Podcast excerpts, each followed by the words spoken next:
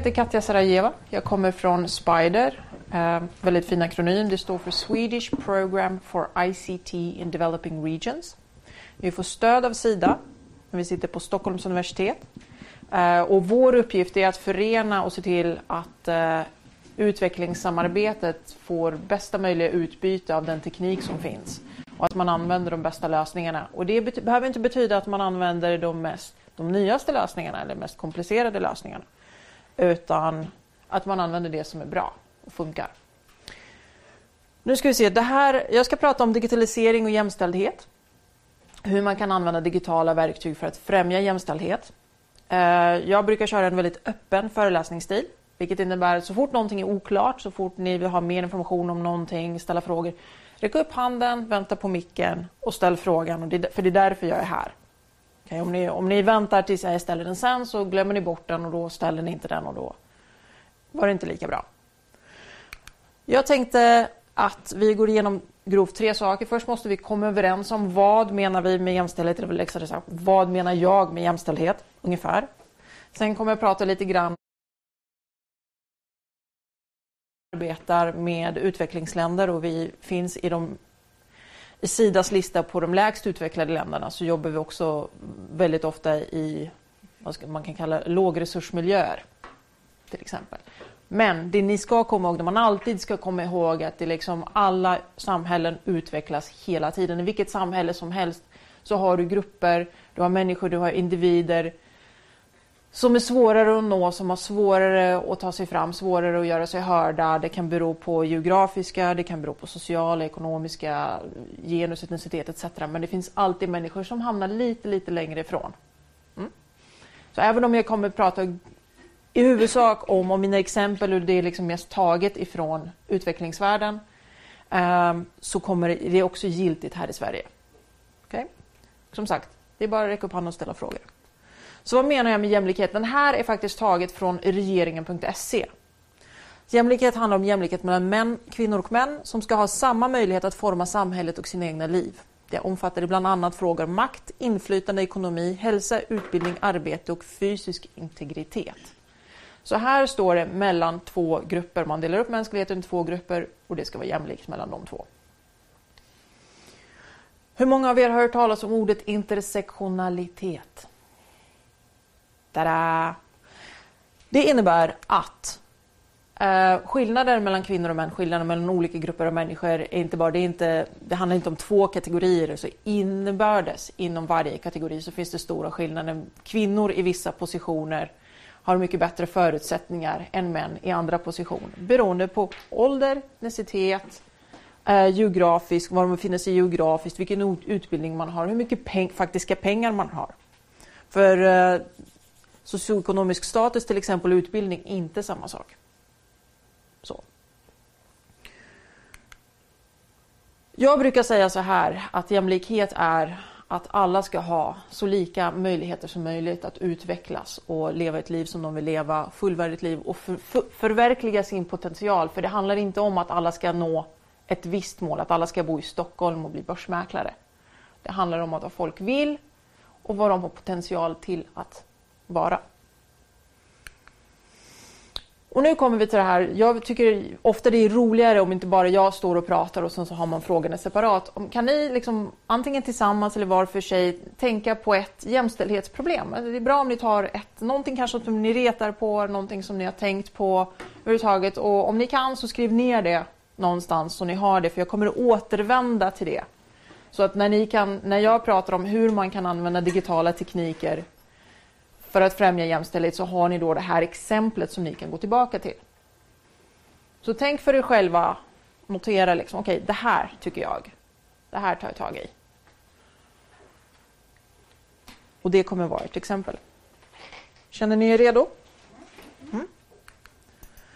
Så då ska jag prata om digitalisering. I Spiders titel så står det ICT, vilket står för Information and Communication Technologies informations och kommunikationsteknologi.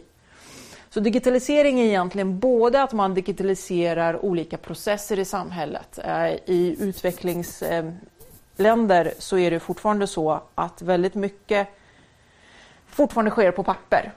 Eh, Häls, eh, journal, patientjournaler, ofta fortfarande på papper. Eh, väldigt många olika typer av journaler inom utbildningssystem och så vidare, fortfarande på papper. Statistik, fortfarande på papper och så vidare. Sen så kan man prata om digitalisering som att använda digitala verktyg. Då gäller det både utvecklingen av hårdvara som faktiska verktyg som eh, kommer till eller försvinner eller blir oanvändbara och mjukvara som utvecklas. Och det har vi ju sett en stor förändring i de senaste liksom, bara på tio år så har det ju hänt enormt mycket. Och där måste man vara lite flexibel. Eh, det handlar om ganska många olika typer av saker och man måste hålla tungan rätt i mun för att hålla koll på vad är det man egentligen menar och sen så hur man kan jobba med det. Vad är digitala verktyg bra på? Egentligen så är de bra på tre olika saker. Samla in information, analysera, hantera information och förmedla information, göra den tillgänglig, det vill säga skicka den till stora mängder människor, um, göra det tillgängligt för någon att ladda ner stora mängder information och så vidare. Att samla in information det kan man göra från individer, till exempel att man kan genom olika system ha frågeformulär, man, man frågar med, eh, inte medarbetare, man, man frågar medborgare, eh, elever om vad tycker du om det här? Till exempel. Man kan ha riktade förfrågningar. Man kan också samla in information genom stora processer. Det handlar om big data, till exempel all den information som vi delar med oss av frivilligt i sociala medier. Eller vad vi har påslaget när vi kanske går omkring, handlar eller surfar eller vad det nu är. Och sen så finns det också ganska mycket man kan göra med sensorer. Detta handlar ofta då om temperatur, vatten, väder, Eh, luft och så vidare. Men det är också en stor mängd information som kan samlas in och processas och användas på olika sätt. Analysera, hantera och lagra information. Det finns otroliga mängder uh, av verktyg och möjligheter att bara liksom... Man kan göra så otroligt mycket med den information som redan finns. Och göra data och information tillgänglig. Det handlar om att göra det tillgängligt för vissa grupper. Det kanske i många fall så finns det hjälp att få när det gäller olika typer av problem. Till exempel det finns eh, Ja men till exempel bara om man vill plugga eller resa någonstans så hjälper det otroligt mycket om man på ett enkelt sätt kan söka sig fram till vilka stipendier man har rätt att söka och hur man går tillväga för att söka dessa stipendier. Eh, I en del utvecklingsländer, i en del kontexter så är det en viktig grej att göra. Det är att det, för många kvinnor så finns det olika saker som de kan göra. De kan söka bidrag eh, eller tillstånd eller få hjälp men de känner inte till det. Eller den informationen har inte nått ut. Så ibland det bästa man kan göra det är till exempel samla in all information som finns om en viss typ av företeelse och så delar man den fritt med alla. Eh, jag lyssnade på ett radioprogram nyligen och det var en kvinna som hade fått, eh, fått barn nyligen och barnet hade en utvecklingsstörning. Och det var jätte, hon bodde på Irland.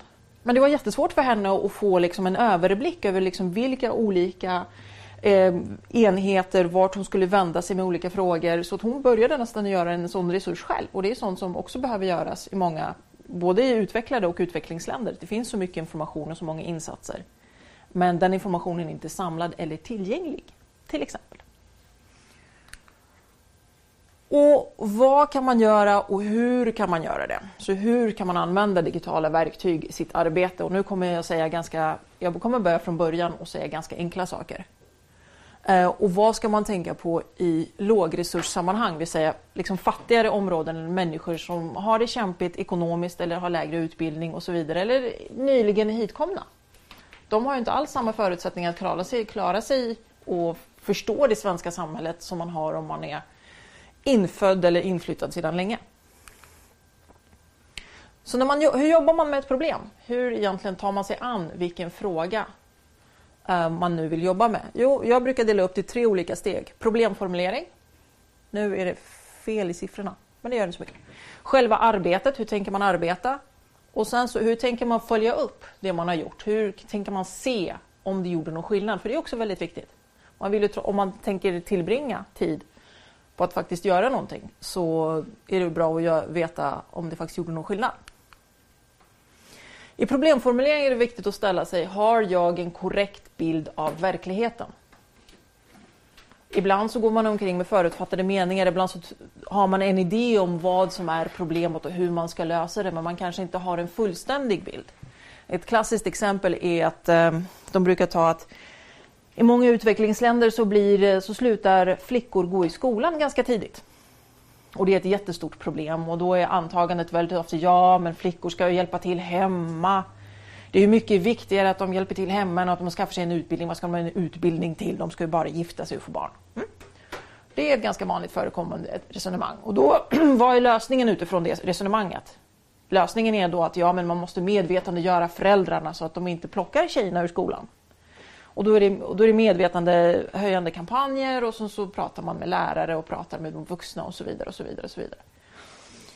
Och så kanske någon som tittar närmare på problemet. Varför slutar flickor gå i skolan när de blir så här 13, 12, 14? Vad brukar hända då? Jo, tjejer får ibland emellanåt ganska ofta mens ungefär vid den tiden. Och det är väldigt jobbigt att ha mens i en skola som inte har en ordentlig toalett. Och då har man ju problemet på ett helt annat ställe än det man försökte läsa. Det handlar om att inte medvetande höja föräldrar och, och lärare och så vidare. Det handlar om att bygga ordentliga toaletter där flickor känner sig säkra och kan tvätta händerna. Helt annan grej. Arbetet, kan digital teknik lösa en del av det problemet som jag försöker lösa? Alltså är det till exempel, handlar det om en fördelning av information, att en viss del av människor har inte tillgång till en, någon typ av information som de jättegärna skulle behöva? Då kan man lösa det, då kan problemet lösas direkt med teknik. Behöver till exempel kvinnor få information om vilken typ av tjänster de kan söka eller var de kan hitta viss typ av utbildning eller medicinsk hjälp, då kan man faktiskt lösa själva problemet direkt med teknik. Och resultatuppföljning. Kan digitala verktyg underlätta uppföljningen av liksom mitt faktiska arbete? Har jag gjort någon skillnad? Ja, det kan de. Om man till exempel håller reda på, det kan hjälpa att man eh, katalogiserar eller håller ordning på liksom hur många människor man har träffat, var de bor och så vidare. Eller om man senare ska intervjua människor så kan man samla information med hjälp av digitala verktyg på ett väldigt bra sätt. Så det här är det mest banala sättet att nalkas digital teknik och jämställdhet. För det handlar väldigt mycket om, vet jag tillräckligt mycket om situationen för att kunna liksom formulera ett projekt som är på väg åt rätt håll. Vilken roll kan den digitala tekniken ha i själva arbetet med den här frågan? Det beror på vad det är för liksom fråga man har valt att fokusera på. Så, om ni tittar då på ert lilla problem som ni har valt, om ni tänker på det. Och då blir det sådär, Tekniken kan hjälpa er att samla in och analysera information. Om ni tänker på det, kan, kan, kan någon ge mig ett, vill någon dela med sig av sitt problem som de har valt? Jag skrev eh, utbildning, men den har vi redan eh, dragit. Men, eh, ja, fast utbildning är brett. Var det något särskilt? Alltså det är fortfarande... Nej, jag tänkte bara mer... Nej. Ja, men låt oss ta utbildning. Mm.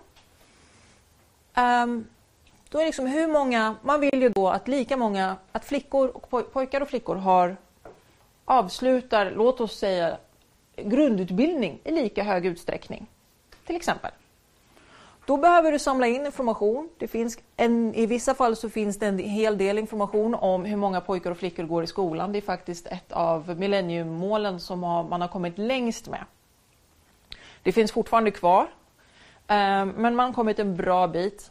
Och då kan man titta på den officiella statistiken eh, och se okej, okay, hur ser det ut? Hur ny är den? Hur tillförlitlig är den? Vad, vilka andra organisationer jobbar med samma projekt? Och då kan man be dem dela med sig av sin data. Eh, det är fortfarande ganska ovanligt för olika aktörer i den här vad heter det, industrin. Eh, vilket det är med tanke på hur mycket pengar den faktiskt processar så måste man faktiskt erkänna att det är en industri. Det är ganska ovanligt att man delar information med varandra. Eh, det finns väldigt mycket pengar, DFID, USAID, du kan hitta rapporter. Men det är inte så vanligt att man delar och poolar data till, till, till exempel. Och ofta så är det så att det tar ett tag innan man hittar alla aktörer. Säg att du vill jobba i ett visst land, i ett visst område för att du kanske jobbat där förut, du har goda kontakter och du känner till att det fortfarande är ett problem. Du, kan, du, du måste leta reda på själv vilka andra aktörer jobbar med utbildning i det här distriktet, i den här regionen, till exempel i den här delen av landet. Och om inte du har goda kontakter med dem så kan det vara väldigt svårt för dig att få fram, du kan få deras rapporter.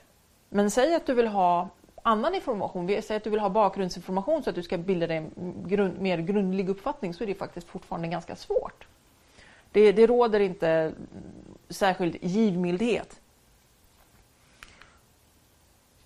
Kan digitala verktyg och information vara en del av lösningen? Ja, det kan de. Just inom utbildningsprojekt så finns det en hel del experiment. One laptop, laptop per child är ett känt exempel. Eh, problemet med där det var ju att man förväntade sig bara man släpper ner en dator någonstans så förväntades det att magiska saker skulle ske. Eh, det krävs lite mer än så. Men visst, digitala verktyg kan vara del av att eh, förbättra utbildningen. Till exempel så finns det väldigt många intressanta lösningar där man har internet in a box. Det vill säga att man har tankar ner väldigt stor mängd um, internet, tillgängliga gratisresurser, mycket text, mycket information uh, på olika språk. Man tankar ner det i en liten dator eller en Raspberry Pi, bara, bara en liten minidator som görs tillgänglig på skolan. Så då har man väldigt mycket information tillgängligt utan att faktiskt behöva betala för väldigt mycket el eller internet till exempel.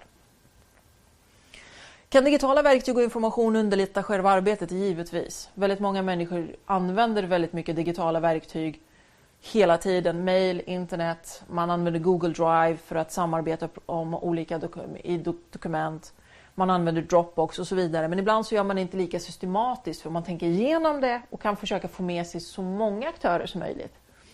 Så kan ett projekt bli mycket bättre om man faktiskt liksom tänker igenom vad använder vi till exempel om vi är ett projektteam och ni där borta är lärarteamet på den skolan. Så om vi är vana vid att använda vissa verktyg oss emellan i projektet så tänker vi på det. Men om vi, om vi sätter oss och snackar ihop oss, vad har ni tillgång till? Och sen liksom kommer på ett sätt, en, en, kanske, en kanske en mellanläge så att vi kan lära oss använda någonting annat. Eller dela information på ett sätt som fungerar för lärare eller fungerar för någon i en lågresurskontext. Så kan det samarbetet bli mycket, mycket bättre. Sen blir det ju givetvis då att man, man måste ta i beaktande att det finns olika lagar på olika ställen. Till exempel Stockholm, eh, jobbar man på en myndighet så är det helt andra, eh, andra lagar som gäller om var personuppgifter får, får lagras. Jag som jobbar på Stockholms universitet får inte lagra personuppgifter på servrar utanför Europa. Så jag kan inte ha några dokument med några personuppgifter i Google till exempel. Och det är en sån ganska viktig grej för det är en, lagar och eh, policy och sånt där, det, det går ganska fort framåt. Och det måste man hålla reda på om man jobbar med verktyg, olika digitala verktyg. Särskilt om man jobbar med, om man skulle jobba med hälsa, är det väldigt, väldigt viktigt att man är noggrann med vilken information man samlar in, hur länge man sparar den och vad man gör med den och vilka har tillgång till den och hur den överförs på olika sätt. Och det är någonting som, som har en tendens att bli förbisett för man vill ju så gärna hjälpa. Man ser att behovet är jättestort och det är väldigt, väldigt viktigt att man gör någonting nu. Och då satsar man kanske inte lika hårt på säkerheten, vilket man alltid, alltid måste tänka på. Och resultatuppföljningen. Kan digitala verktyg nytta? Ja, för vi är tillbaka på ruta ett. Precis på samma sätt som man gjorde när man undersökte själva problemet. Det upprepar man sen på slutet för att se, okej, okay, gjorde, gjorde vi någon skillnad? Och vilken skillnad gjorde vi då?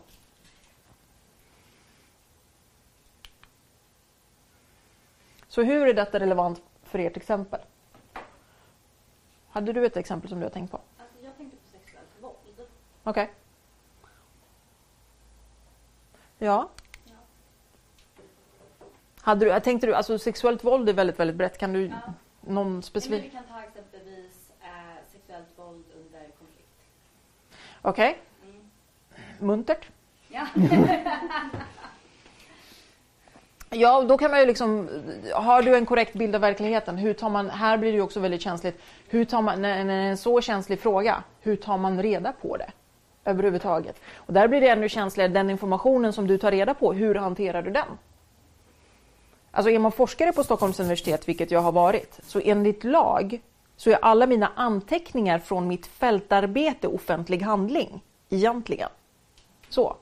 Så när man arbetar, när man jobbar som en svensk offentlig organisation eller olika typer av enheter hamnar ju under olika typer av lagar. Då måste man ju liksom tänka efter, liksom, okay, vad är det för information jag samlar in? Vart kan den ta vägen? Så. Um, Ja, det handlar ju, i problemformuleringen så är det ju liksom att, att försöka läsa på och se om jag kan hitta information. Uh, I arbetet, ja. För du kan förmedla, det finns olika sätt att för människor att säkert förmedla information. Men, men eh, grejen är den med mobiltelefoner och så vidare så är det ofta så att, att man kan hitta tillbaka. Man lämnar alltid ett fotspår någonstans. Och då måste man alltid välja att nå fram med någonting som kanske utsätter någon för en extra, en ytterligare risk eller inte nå fram alls. Tänk om du inte fysiskt kan komma till ett område och din enda chans att leverera någon typ av hjälp överhuvudtaget är genom digitala verktyg. Är genom eh, krypterade kanaler och så vidare. Som ändå kan hackas, som hela tiden ändras på liksom beroende på det politiska läget eller vad, vem det är. Och sen så måste man göra den här avvägningen. Okej, okay, vad gör jag? Gör jag ingenting alls? Eller utsätter jag då kanske inte mig själv men människor som jag vill hjälpa för en ytterligare risk? Och hur hanterar man det här?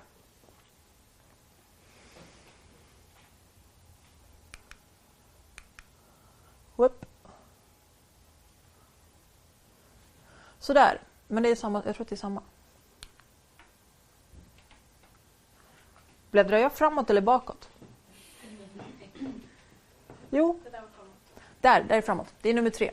Vad är det som är viktigt att tänka på när man jobbar med teknik? När vi, vi, började, jag började det här samtalet med att prata om jämställdhet och prata om människor som hamnar utanför. Och det är, det är någonting som vi vill göra någonting åt. Att någon har och någon har inte. Vi tycker att det är orättvist. Och vi vill ändra på det. Och när man formulerar en fråga, när man formulerar, när man först från början tänker på ett problem. Alltså, okay, nu hakar jag tag i ditt problem här. Ja. För att jag behöver det.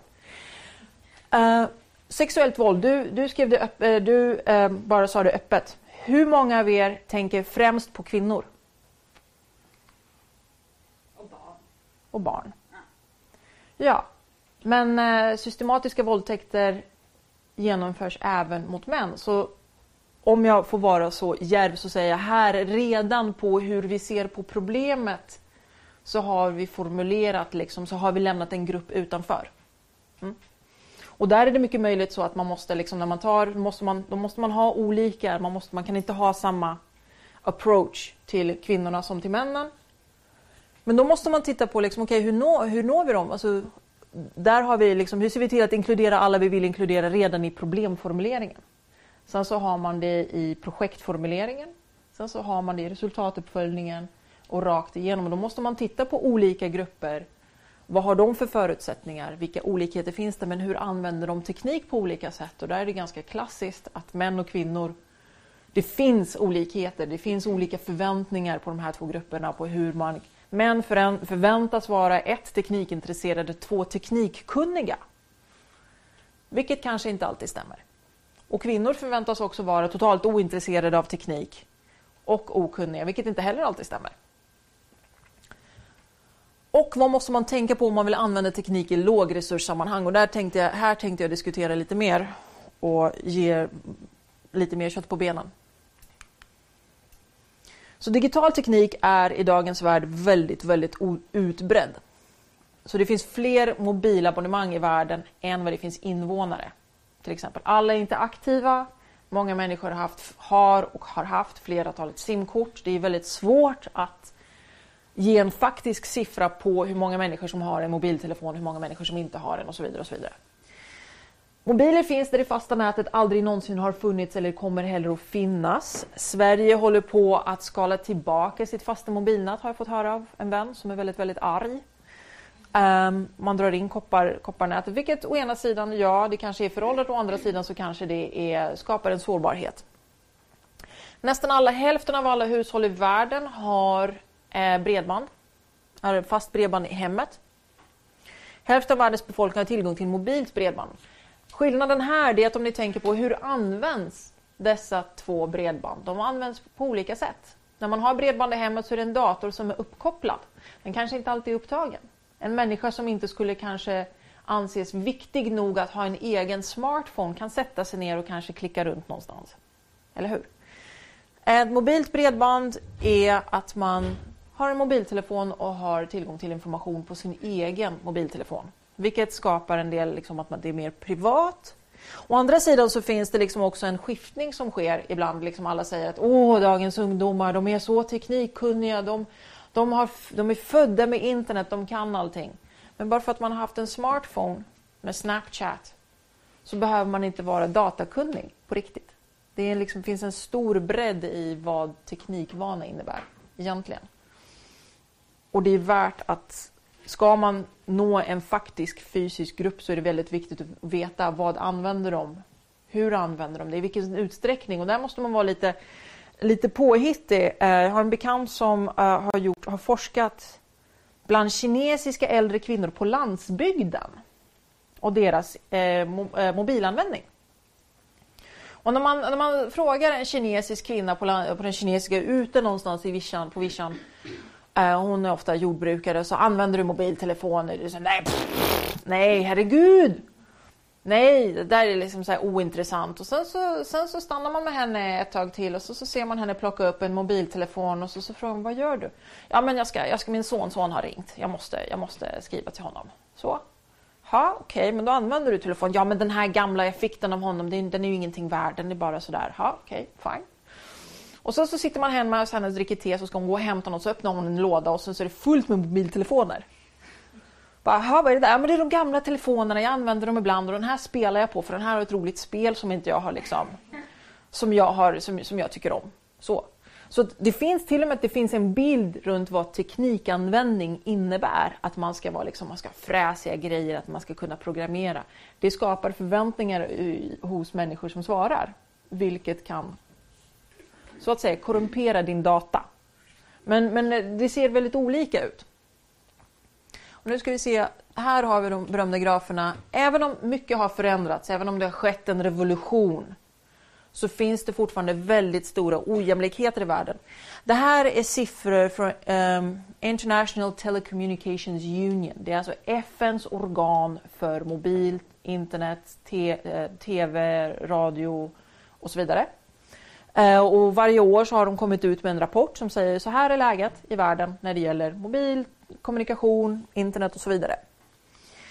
Den blå linjen längst upp, det är vi, det är den utvecklade världen. Från 2005 när vi låg strax över 80 procent så ligger vi runt 120 procent idag. Och detta är mobilabonnemang per 100 invånare. Så. Och det här är siffror från 2017, så egentligen 2016. Eh, den senaste rapporten har inte kommit än. Så vi, ligger, vi har gått från 80 till typ 120. Nästa linje är den orangea linjen som är genomsnittet för världen. Linjen under är utvecklingsländer som har gått från strax över 20 till strax över 80. Och den orangea linjen längst ner är LDCs, vilket är Least Developed Countries. Så då har man gått från strax över noll till ja, någonstans strax över 60. Som ni ser så är skillnaden väldigt, väldigt stora. Det har, det har, varit, det har skrivits ganska mycket i media om, om mobilboomen, om hur många olika typer av tjänster och hur mycket mobiltelefoner förändrar, har förändrat Afrika och Asien och så vidare. Att man kan skicka mobilpengar, att du kan göra dina betalningar för hyra eller gas och så vidare i mobiltelefonen. Men det finns fortfarande enorma skillnader och det finns fortfarande stora mängder av människor som inte har täckning. Och då pratar vi inte om att de har, om de har råd med en mobiltelefon. Så här ser det ut i uh, vilken typ av nätverk man har.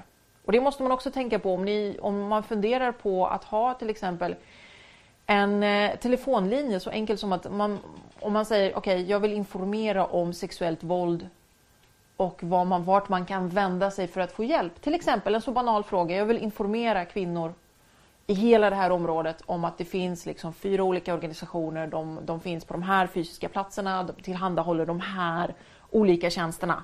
Bara liksom som en extra push. Eh, så måste du tänka på att okej, okay, vilken typ av täckning finns i det här området? Är du ett område där det bara finns 2G? Då kan man vinka adjö till sin tilltänkta app och börja tänka annorlunda. Vilket är helt okej. Så att fördelningen av vad heter det, olika typer av um, nätverk är också väldigt olika. Och det här är bredbands... Um, det här är bredband i hemmet. Som ni ser, från 20 till över 80. Och eh, de lägst utvecklade, minst utvecklade länderna har kramat nollan fram till 2010 ungefär. Och sen så har det krupit upp, ja vad ska vi säga, 18, 17, 18 procent. Och det påverkar då, liksom, skillnaden här är ju att har hela, om, en, om man har bredband i hemmet då har hela familjen på något sätt tillgång. De kan i alla fall se en dator eller de kan be någon hjälpa dem och så vidare. Och det är exakt det jag försöker 450 miljoner människor nås inte av en mobilsignal. Det finns ingen signal överhuvudtaget där de är. Och det, det, som, det som blir slående här, det är man kan säga ja, ja, whatever. Men det som gör det, det, det gör ju att klyftorna mellan människor på jorden ökar. Från att ha telefon för 15-20 år sedan, 30 år sedan, så hade man en telefon när man kom hem. Jag ringer dig när jag kommer hem. Ring mig klockan sju och så vidare. Nu kan man ringa vem som helst varifrån som helst i stort sett, men människor, 450 miljoner är onåbara och internetanvändningen är fortfarande skevt fördelad.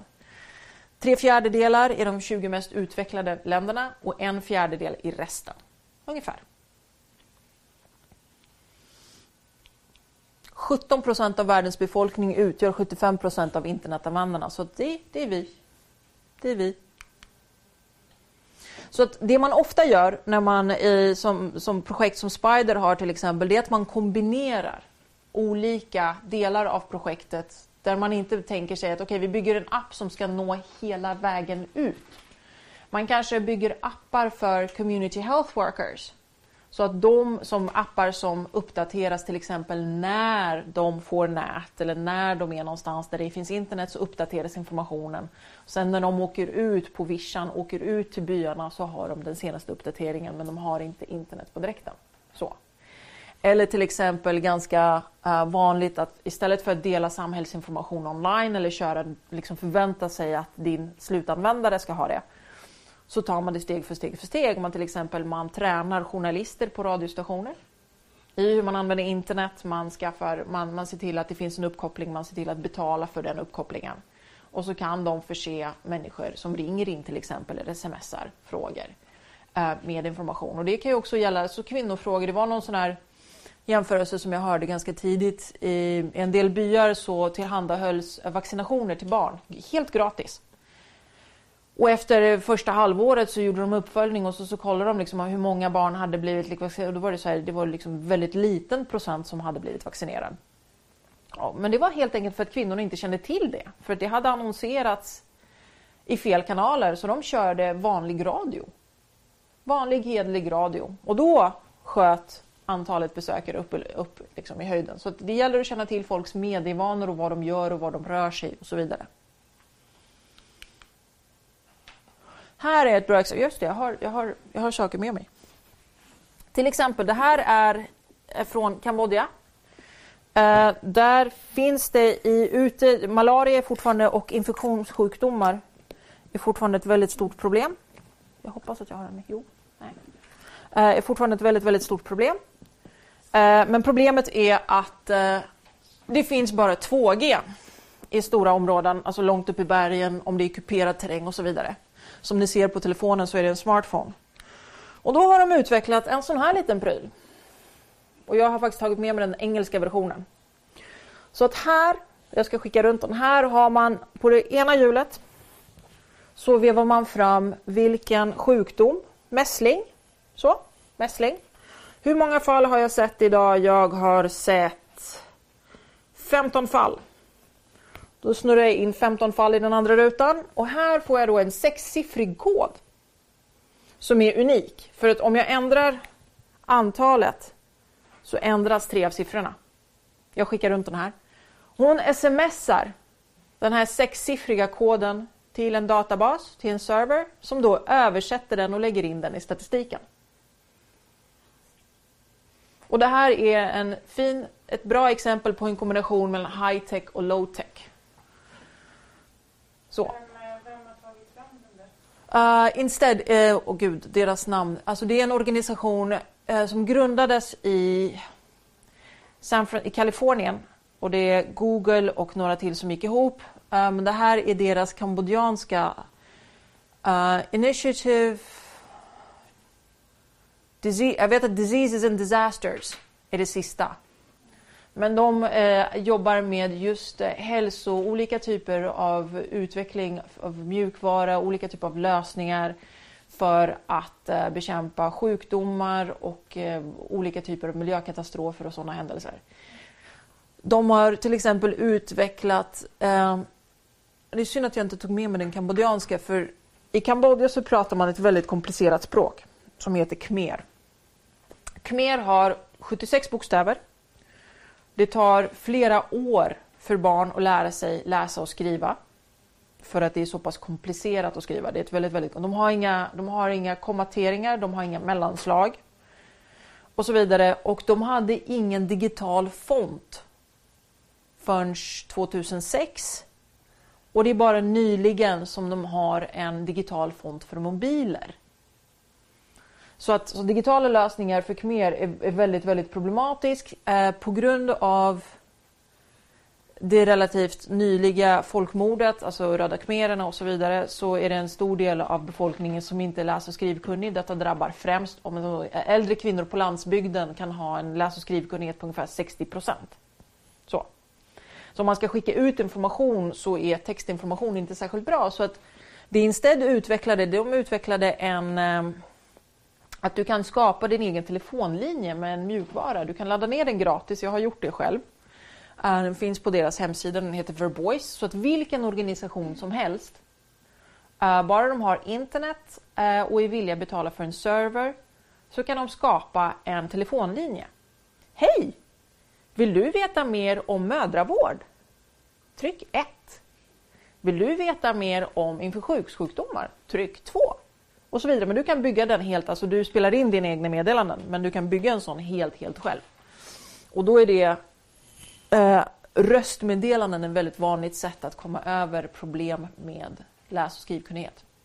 Det är ofta mer omedelbart och de har också jobbat med kända komiker och kända skådespelare som är kända från radio och tv som ett sätt för folk att det ska bli lättare att ta till sig information.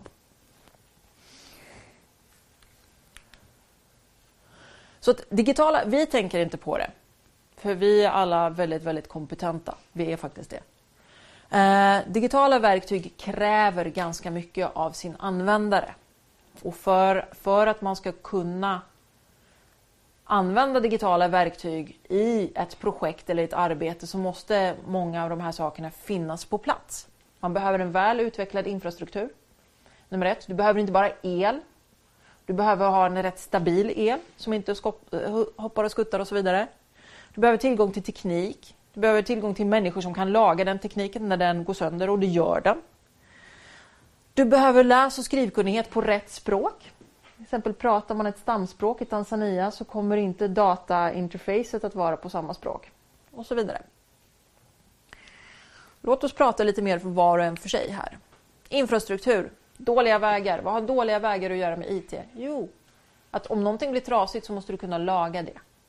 Planerar man en insats där man planerar att ge någon datorer eller eh, utrusta skolor med datorer, hälso och sjukvård med datorer, så måste man också ha åtminstone två typer, alltså två alternativa um, supportorganisationer. Alltså människor som kan komma dit och laga allting. För det går sönder. Ofta utvecklingsländer är ofta ett varma, två dammiga. Det är, tillstånd, till, det är liksom tillstånd som datorer inte tycker om. De blir djupt olyckliga. Och lägger av. Fast telefoni är dåligt utbrett. Mobiltäckningen kan vara svajig. Internet kanske inte varit tillgänglig eller det kan också vara dyrt.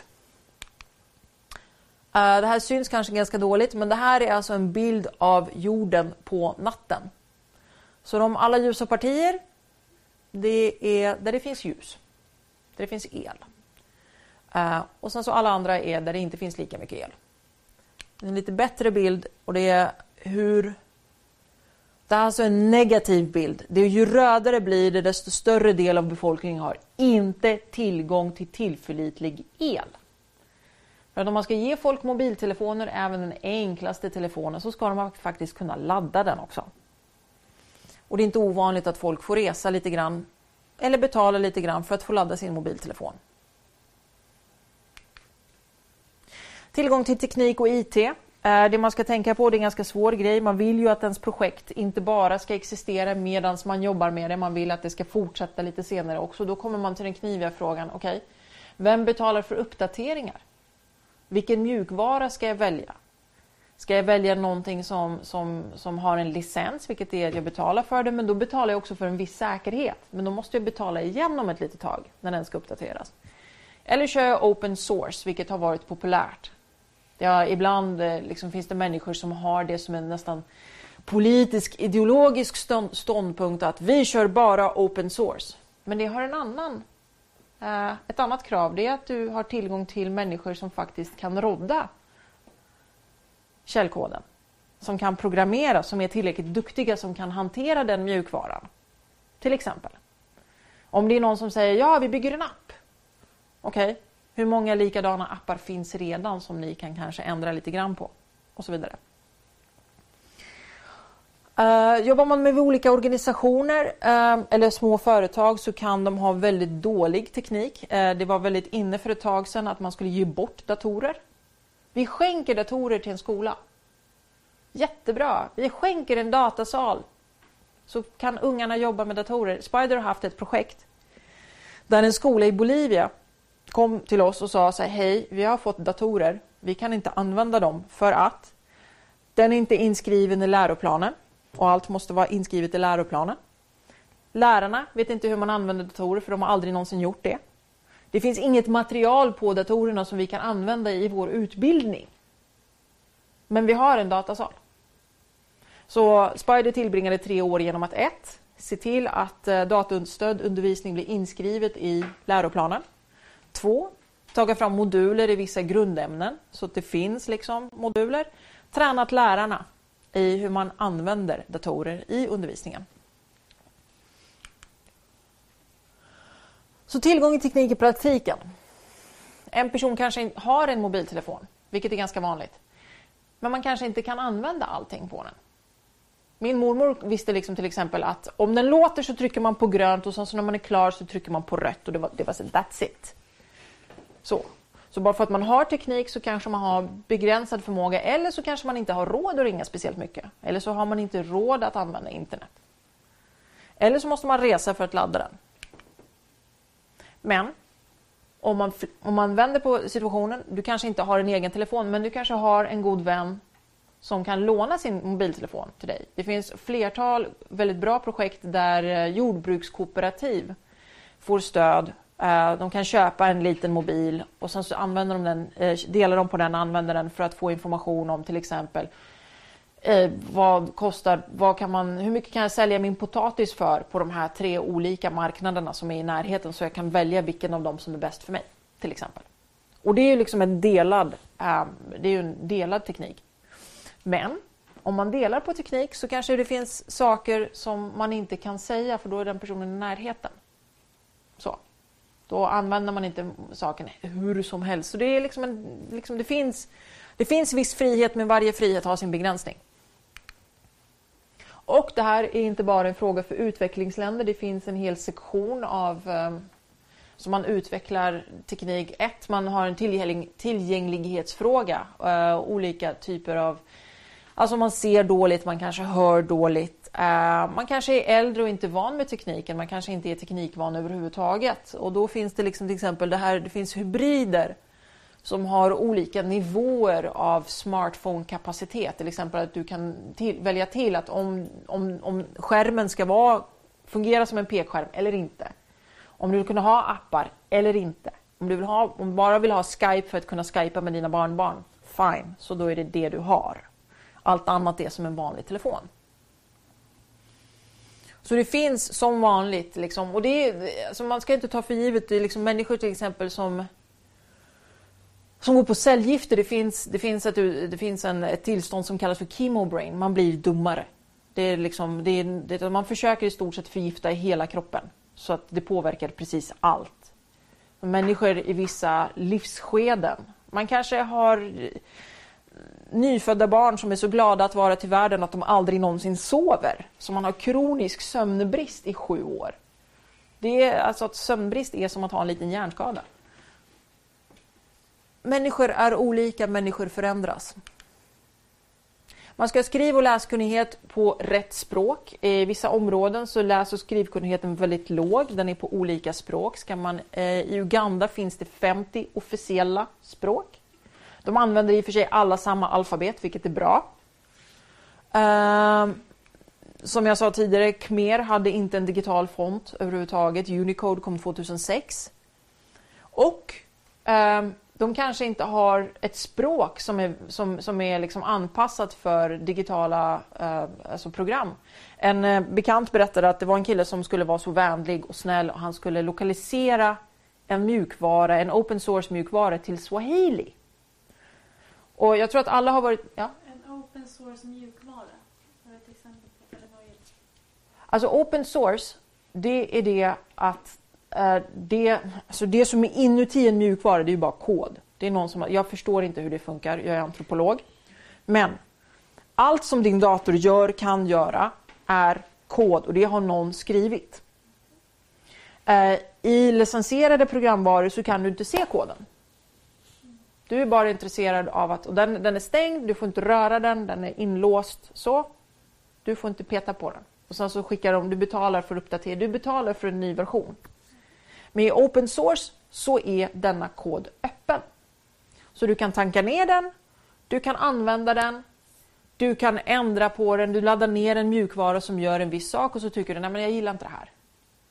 Och så är du faktiskt en programmerare så du kan ändra den koden.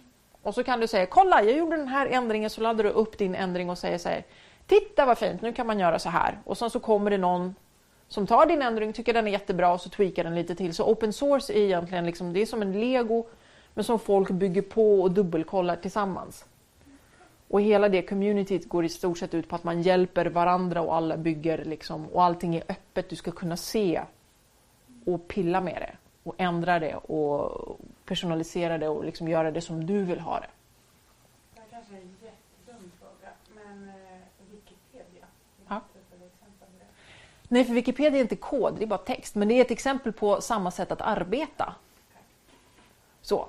Eh, Wikipedia, men där blir, i Wikipedia kan det bli så att folk bråkar om i, i, I kod så är det liksom mer så har, har du en mjukvara så, så, är det liksom så här att det finns en version så tar jag den så ändrar jag den lite så finns den i min version också. Och så tar du samma grundversion och så, så ändrar du den som du vill ha den. Och så lägger du upp den version så det finns liksom A, B, C. I Wikipedia så är det som en, det är fortfarande ett samarbetsprojekt. Men man bråkar ofta, alltså ibland så, så blir det så här, har ni någonsin sett den här, det här är en omstridd, det här är en omdebatterad artikel. Så att när, när folk har ändrat och ändrat tillbaka och ändrat och sådär. Så det är samma, samma approach. Och det var en jättebra fråga. Uh, så att på swahili så fanns det inte korrekta ord. Alltså, ni har säkert alla, alla fått upp liksom en ruta, ni vill göra någonting och sen så får ni upp en ruta och så kan ni klicka ja eller nej och det är liksom inte riktigt lätt att begripa vad innebär. Vilken av de två kommer göra som jag vill? Så språkvalet i användarinterface är väldigt, väldigt viktigt.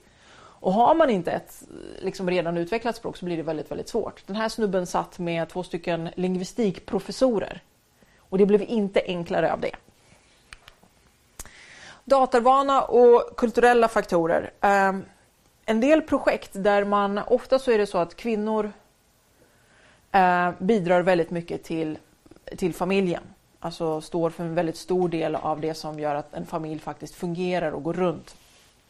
Och i en del projekt har ju varit så att man, man liksom, man, ja men vore det inte mycket bättre om man, om man liksom, skulle man inte stärka kvinnor i en familj om man gav dem en mobiltelefon? Det problemet som man råkar på omedelbart det är att liksom, om kvinnan har en mobiltelefon och mannen inte har den, vem tror ni har mobiltelefonen om en vecka? Så.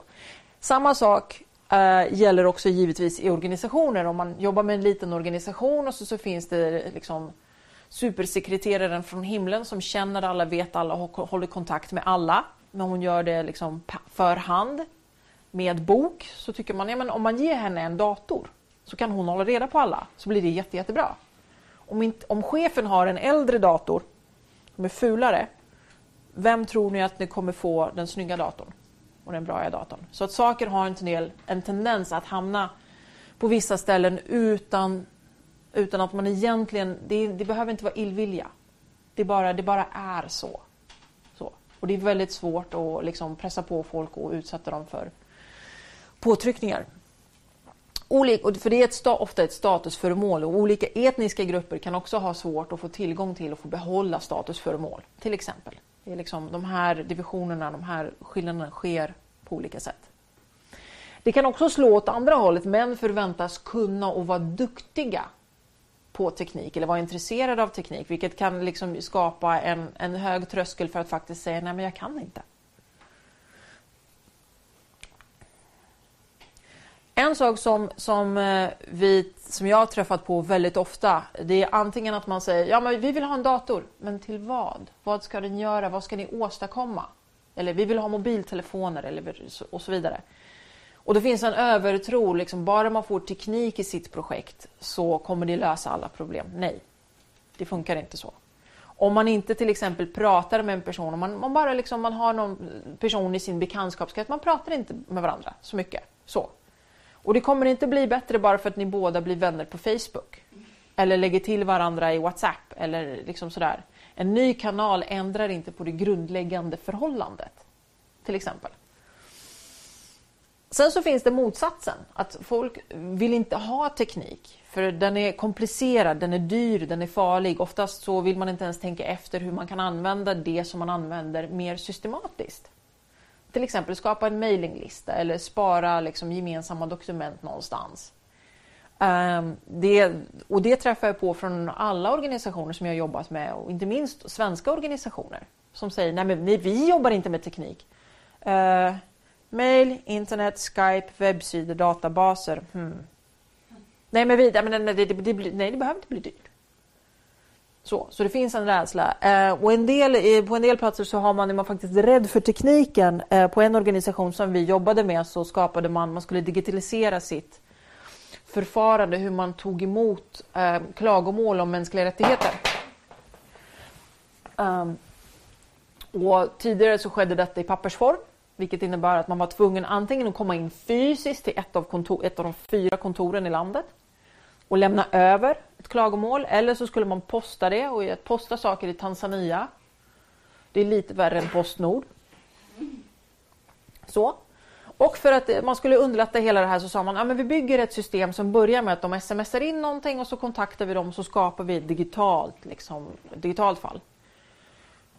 Och sms-systemet byggdes och digitala liksom, själva strukturen fanns redan på plats men sen så liksom stötte man hela, det gick väldigt väldigt långsamt tills man frågade människor liksom, men varför vill ni inte använda det här? Nej men datorer kommer ersätta oss. Så det finns, finns en, fanns en grundläggande liksom mänsklig rädsla, jag kommer att bli överflödig. Och den finns också. Sen så ibland så finns det också så att man, man har inte tid Alltså alla känner vi till, liksom, det är ett nytt system som man ska lära sig att använda och det, blir, det är svårt för vem som helst. Det är svårt för en människa som är datavan att lägga till sig med en helt ny process att hantera saker. Har man en dålig datavana så blir det ännu svårare. Och brist på relevant innehåll. Det, är liksom, det sker väldigt ofta att man tror att man kan ta någon information från ett ställe på jordklotet och sen så kan man bara plonka ner det någon annanstans och så blir det jättebra. Det är inte så. Det måste inte bara vara på rätt språk, det måste handla om rätt saker. Eh, jag läste en gång om Babyliss, de som gör hårprylar. De skulle göra ett projekt i Sydafrika alltså, och, och, liksom, och så skeppade de ner massor med prylar för hår till Sydafrika och liksom videoinstruktioner. Problemet är bara det att Babyliss jobbar med vitt hår, alltså så här, vår typ av hår. Afrikanska kvinnor har en helt, helt separat historia med hår och gör helt andra grejer. Så att hela den här stora insatsen som de har skickat in, det var liksom for nothing. För den var helt fel. Ja men, ja, men det är som de här människorna som hade gett bort datorer till en skola där den inte är inskriven i läroplanen, där läraren aldrig använt datorer, där det inte finns någonting överhuvudtaget. Vad, vad, ska, du, vad, liksom, vad ska man ha den till? har du några exempel på hur Spider jobbar för att göra liksom, som information mer tillgänglig till mer och språk och... Alltså ofta så använder vi, eh, vi utvecklar, vi, alltså de projekt som vi jobbar med, där ser man ju, det är som en del av kollen som man gör det, att man ser till, okej, okay, liksom vad, vi ska ha en portal med hälsoinformation, okej, okay, vad ska ni fylla den med? Till exempel, så att man faktiskt är, ibland så har folk faktiskt inte tänkt så långt. De vill bygga någonting, de ser ett problem och de tänker ja, ja, men bara jag bygger en portal så kommer det säkert komma information. Det kommer kom, finnas människor, andra människor, någon kommer att komma och fixa det här. Men man måste tänka på hela den biten också. Då måste man vara noggrann och säga så här, okej, okay, men vem kommer med informationen? Och så, så får man ett förslag. Ja, men okej, okay, läkare behöver eh, referenslitteratur som ofta är väldigt, väldigt dyr. Eh, alla som har pluggat vet att studentlitteratur är dyrt. Eh, det. Och så, så har man då digitaliserade versioner av något äldre upplagor eh, av studentlitteratur från liksom stora, stora, väldigt stora välkända förlag som då liksom går in med det här, i det här projektet. Ja men, ja, men vi ger bort de här digitala versionerna av referenslitteraturen. Så, ni får använda dem i stort sett gratis. Så att man måste ha koll på varje steg i processen. Man kan inte bara, ja men vi bygger det här, sen så fixar allt annat sig. Till exempel, inte ens, och, och även att kolla, ha, ta reda på vad vill folk veta. Till exempel om man vill ge information till um, jordbrukare så ska man inte fundera på vad vill en, man måste gå faktiskt till sin faktiska målgrupp och fråga vad är viktigt för er? Vad vill ni veta? Varifrån ska den informationen komma? Till exempel. Då är min följdfråga, vilken är majoritet, alltså målgrupp? Vilken mm. målgrupp är majoriteten av projekten riktade till? Oj, det, nej, det finns ingen. Det är så otroligt olika. Det är så otroligt olika skillnad från projekt. Alltså utbildningsprojekten, till och med där så är det väldigt olika. Det är på man kan, vi jobbar alltid från ministerienivå till skolnivå. Och sen så finns det då liksom inriktat på, vi jobbar ganska mycket med döva i Uganda och så vidare. Men det är väldigt viktigt att när man, när man tittar på ett projekt så är det viktigt att se, okej, okay, finns det en tydlig målgrupp och är den här målgruppen involverad? Så att man inte bara till exempel, uh, förlåt, nu blir det kritik. Men så att man inte bara säger ah, men sexuellt våld i, alltså, i konflikter. Okej, okay, bra, vi börjar där, men mer man måste liksom specificera ner så att man faktiskt har tittat på vilka olika människor är det jag vill nå och vad har de för förutsättningar som, som jag vill möta. Så.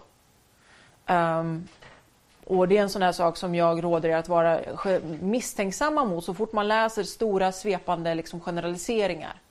Kvinnor på landsbygden i. Okej? Okay. Till exempel. Um. Ja, men jag undrade lite kring alltså, eh, alltså informationen, hur man granskar den. Nu har vi pratat lite om det här med att det ska vara relevant och så. Mm. Men hur eh, arbetar Spider liksom så att den, eh, ja, men så att den är relevant, är i tid, mm. pålitlig, eh, mm. ja, så här, några av de här källkritiks liksom, mm. ja, Alltså vi har ju ingen, vi som sitter här i Sverige har ganska liten möjlighet att faktiskt själva vara källkritiska men då får man ska, ha informerade vänner på plats. Man har ju oftast ett nätverk av aktörer som man kan be om råd. Och även om de inte vet så vet de någon annan som har koll på det här. Liksom man, man går, ofta så finns det olika källor som är tillförlitliga. Till exempel inom hälsosektorn så finns det direktiv från eh, häls, eh, hälsoministeriet. Så. Så man kan, man kan titta på så, det här kommer därifrån. Var, varifrån kommer informationen? Och så får man liksom fråga runt, verkar det här vettigt som en första? Och sen så har man tillförlitliga aktörer som man kan dubbelkolla med. Okej, okay, är det här okej? Okay? Man kan alltid gå till um, eh, vad heter det, offentliga, lite, lite offentliga instanser och kolla liksom, okay, vad, vad har ni för krav till exempel? Vilken information måste ut? det finns ofta väldigt mycket policydokument som reglerar liksom, olika typer av behov och sådär. Så att vi skickar den frågan vidare, men man får tänka efter liksom vem man frågar. Och, och kolla med liksom olika kärnaktörer som jobbar med, med de frågorna. Vad har de använt?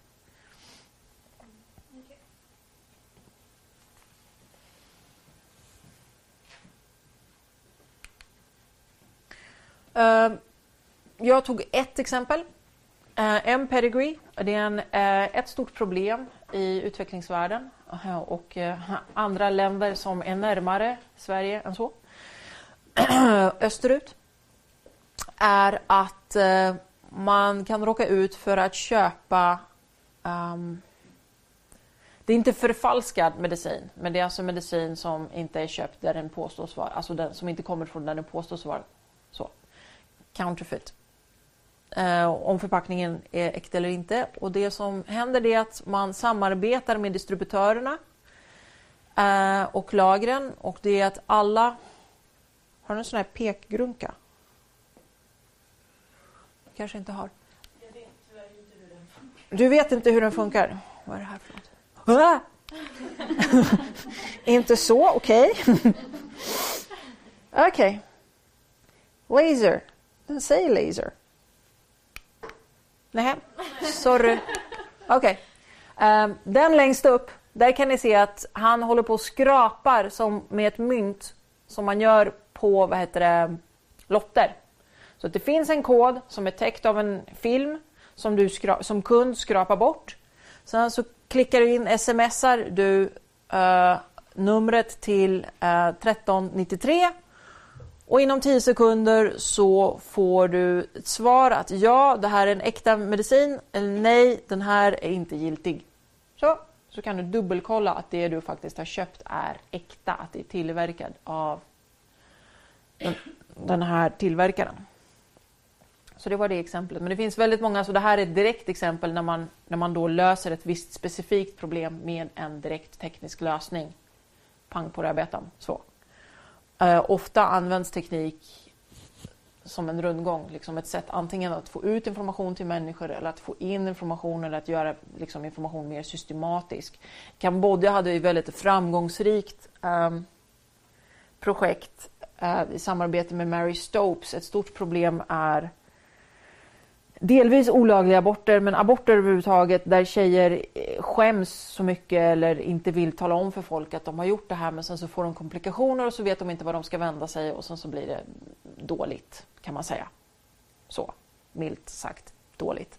Eh, men det projektet gjorde det var att de samlade information och hade just en så här telefonlinje, en IVR-linje där de kunde ringa in och få information vart de skulle vända sig beroende på vilka typ av problem de upplevde.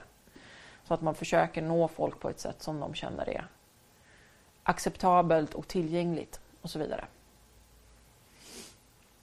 Och där var det just en telefonlinje som hon skapade för att det ska vara kännas lite normalt så. Mm.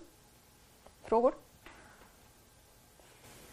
Eh, en fråga. Är det, vad brukar ni stöta på för hinder ofta i olika... Nu har ni väldigt många olika projekt. Ja. Men vad är det vanligaste Alltså det, det, det, det, det är svårt att generalisera så.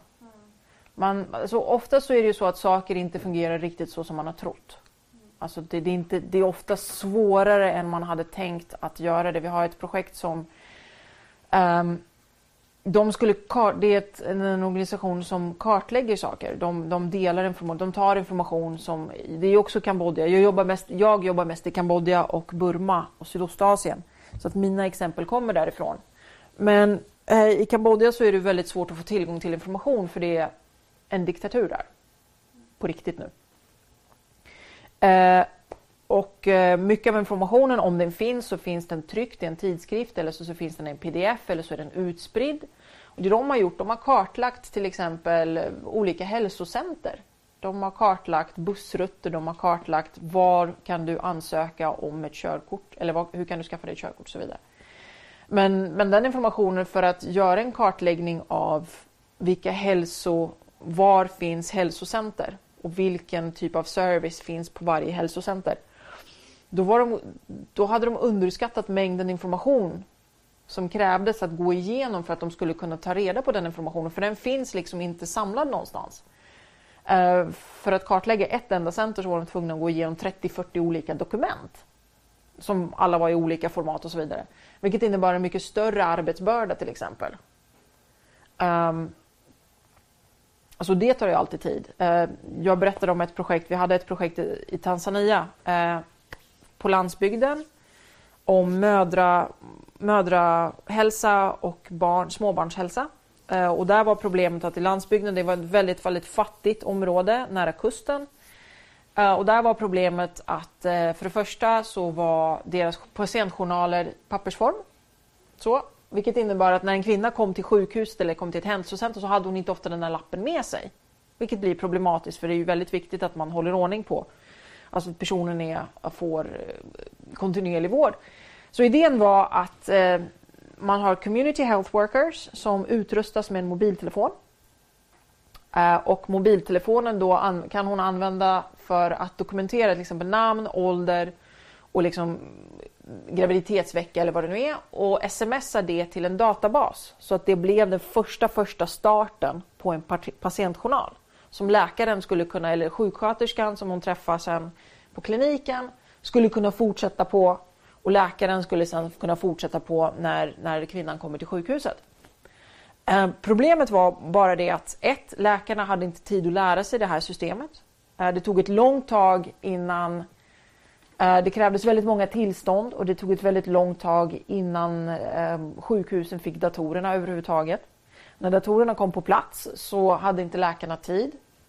För det är väldigt, väldigt svårt. Alltså både läkaryrket och läraryrket är väldigt tunga yrken. Det är väldigt arbetsintensiva yrken.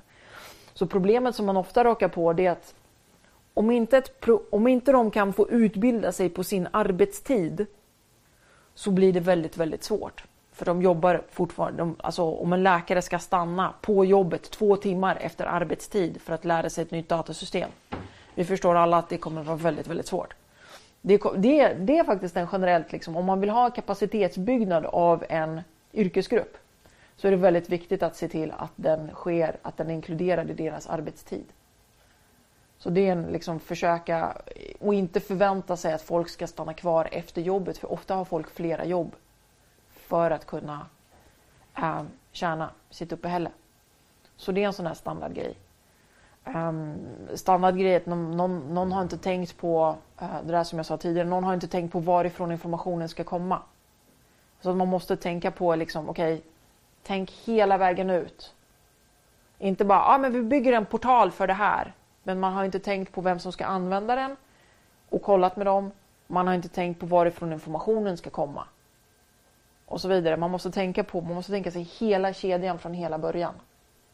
Uh, och se till att ha täckning för liksom, okej, okay, jag vet de, de, som, de som jag tänkt ska använda den vill faktiskt ha det här. För ibland så är det liksom en, en, efterkonstru en, en efterkonstruktion. Någon vill bygga en portal. Det är inte helt ovanligt. Oh. Jag tänker när ni jobbar med olika projekt i Sverige mm. och med andra organisationer eller myndigheter. Mm.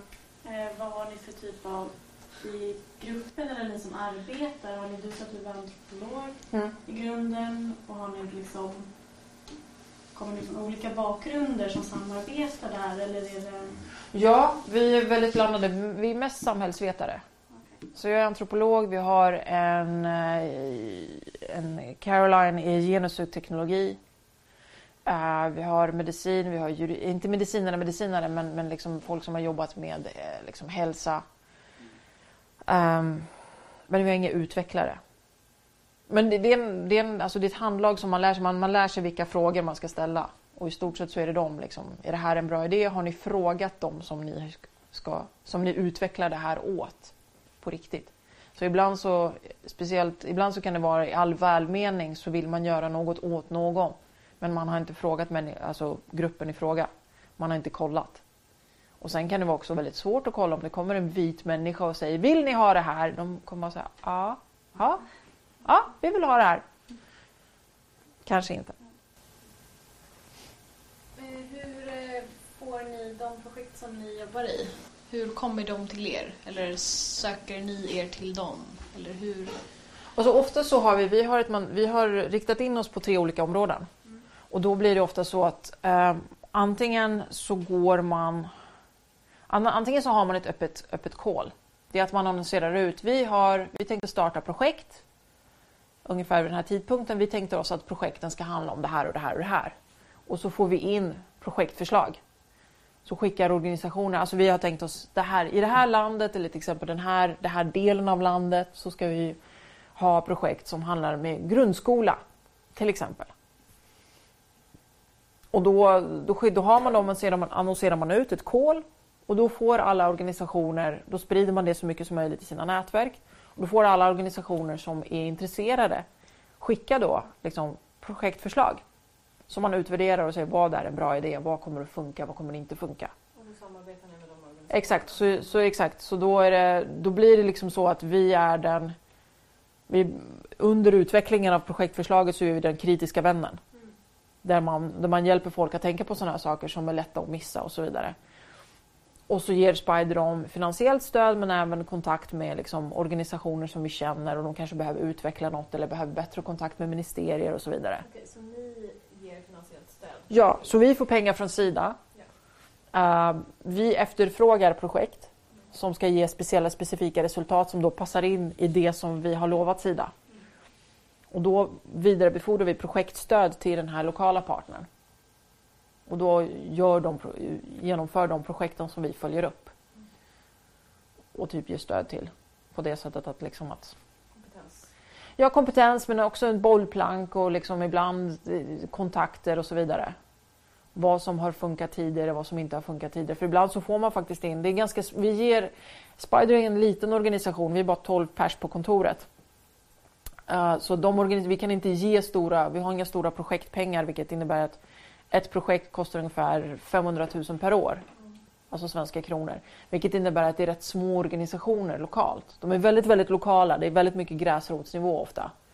Ehm, men vilket innebär att det blir inte ett jättestort projekt. Vilket också innebär att man ibland tar organisationer som inte är så jättevälutvecklade.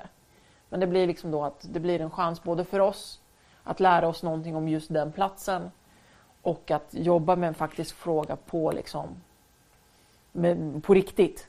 Inte så att man är så långt bort ifrån men då blir det också en, en kompetensutveckling. Att man samarbetar med människor som kanske inte har jobbat på det här sättet förut. Inte har gjort revisioner, alltså riktiga, riktiga revisioner. Det blir också en kapacitetsbyggnad av själva organisationen som man jobbar med. För de kanske inte är vana vid den typen av rapportering som vi kräver. För att vi har Sida-pengar, vilket är offentliga medel. En. Mm använder när ni gör er problemanalys, mm. eh, om ni har identifierat ett problem, mm. eh, om det då handlar om en, det kan handla eventuellt om en jämställdhetsfråga, mm. eh, men alltså, hur jag tänker att det, det, kan vara olika, man kan ha olika angreppssätt. För att man, dels kan man använda digitalisering för att lösa en jämställdhetsfråga, men om man utgår ifrån digitalisering, eh, att det, det är problemet man vill öka Mm. tillgången för olika målgrupper och ja. internet eller mobilanvändning och så vidare. Mm. Men att det är fortfarande viktigt att genomföra någon slags jäm, jämställdhetsanalys även om inte det är huvudfrågan. Mm. Eh, hur går ni tillväga då? Jobbar ni med jämställdhetsintegrering liksom i era projekt? På, eh, alltså rakt igenom från början till slut? Eller? Alltså, vi, har ingen sån här, vi har ingen systematisk jämställdhetsintegrering. Nej. Utan Men, det blir så olika eftersom fälten är så olika. Det är ofta så att man försöker att ha ett... Att, I den mån det är möjligt för varje projekt och deras frågeställning att ha ett... Liksom, okay, var är jämställdhetsaspekten? Var är männen? Var är kvinnorna? Hur får vi, var, var figurerar det överhuvudtaget i själva den frågan? Och så får man försöka arbeta med den på det sättet. Så att istället för att ha ett, ett, liksom en jämställdhets mål i sig så får man istället ha det perspektivet i varje fråga. Till exempel att när man, vi har ett ehm, projekt, alltså stort projekt, många projekt som jobbar med öppen data. Och när det gäller jämställdhet så är desegregerad data ett väldigt stort, stort projekt, problem. Alltså det här, alltså det första steget som jag visade, problemformulering. Att söka information, ett jättestort information, eh, hål är att det är så som otrolig brist på disaggregerad data överhuvudtaget. För liksom, hur slår olika typer av naturkatastrofer mot män och kvinnor? Alltså kvinnor är drabbade mer än män. Och så vidare och så vidare. Men då får man liksom tänka på hur är det här relevant för liksom det här specifika problemet, det här specifika arbetet och så vidare. Och då blir, det slår ju liksom på olika sätt. Man, man, får, man får jobba. Man får ha lite olika angreppssätt. Ja, och sen så är det liksom så här, det beror Ja, exakt. Det blir också så hur, till exempel vi pratade om inför det här seminariet om medicin. Ja, Okej, jämställdhet och medicin, vad är det? Liksom, hur, ska man, hur ska man hantera det? Liksom, har, där är ju också bristen på information. Majoriteten av medicinsk forskning har ju gjorts på unga män, college-studenter. Och man börjar mer och mer komma fram till att kvinnokroppar och manskroppar i vissa saker fungerar helt olika. Typ hjärtinfarkt. Så. Så det är liksom en, en, en, man får ta tag i det man kan. Är det mer frågor? Eller jo, en. Hur gammalt eller när grundades Spider? 2004. Så de, vi har några år på nacken. Det var lite roligt att Sverige var så tidigt ute genom att inse att det här var ju liksom... Det är ju före smartphones. Egentligen. Och före den stora boomen av mobiltelefoni i Afrika. Men tack så mycket för din tid. Tack själva.